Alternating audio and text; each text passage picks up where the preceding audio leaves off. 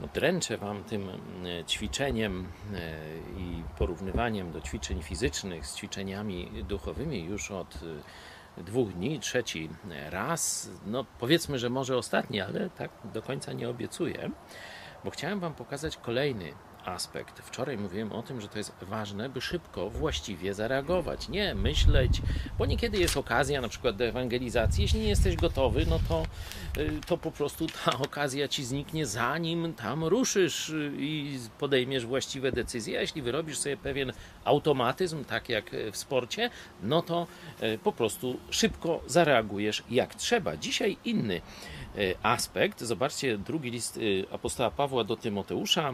Tu jest pełno porównań sportowych, wojskowych, czyli z tym e, właśnie tematem ćwiczenia, powtarzania, doskonalenia umiejętności. Trzeci rozdział, e, wersety 16 i 17.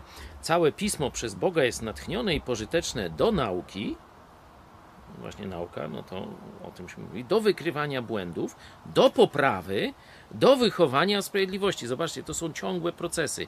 Poprawa, e, wychowywanie, wychowanie sprawiedliwości, wykrywanie błędów, nie? że mistrz to jest ten, który pozbędzie się swoich błędów, aby człowiek Boży był doskonały, do wszelkiego dobrego dzieła przygotowany, wytrenowany przez ćwiczenie. Ćwiczenie czyni mistrza. Zobaczcie, Biblia też to potwierdza.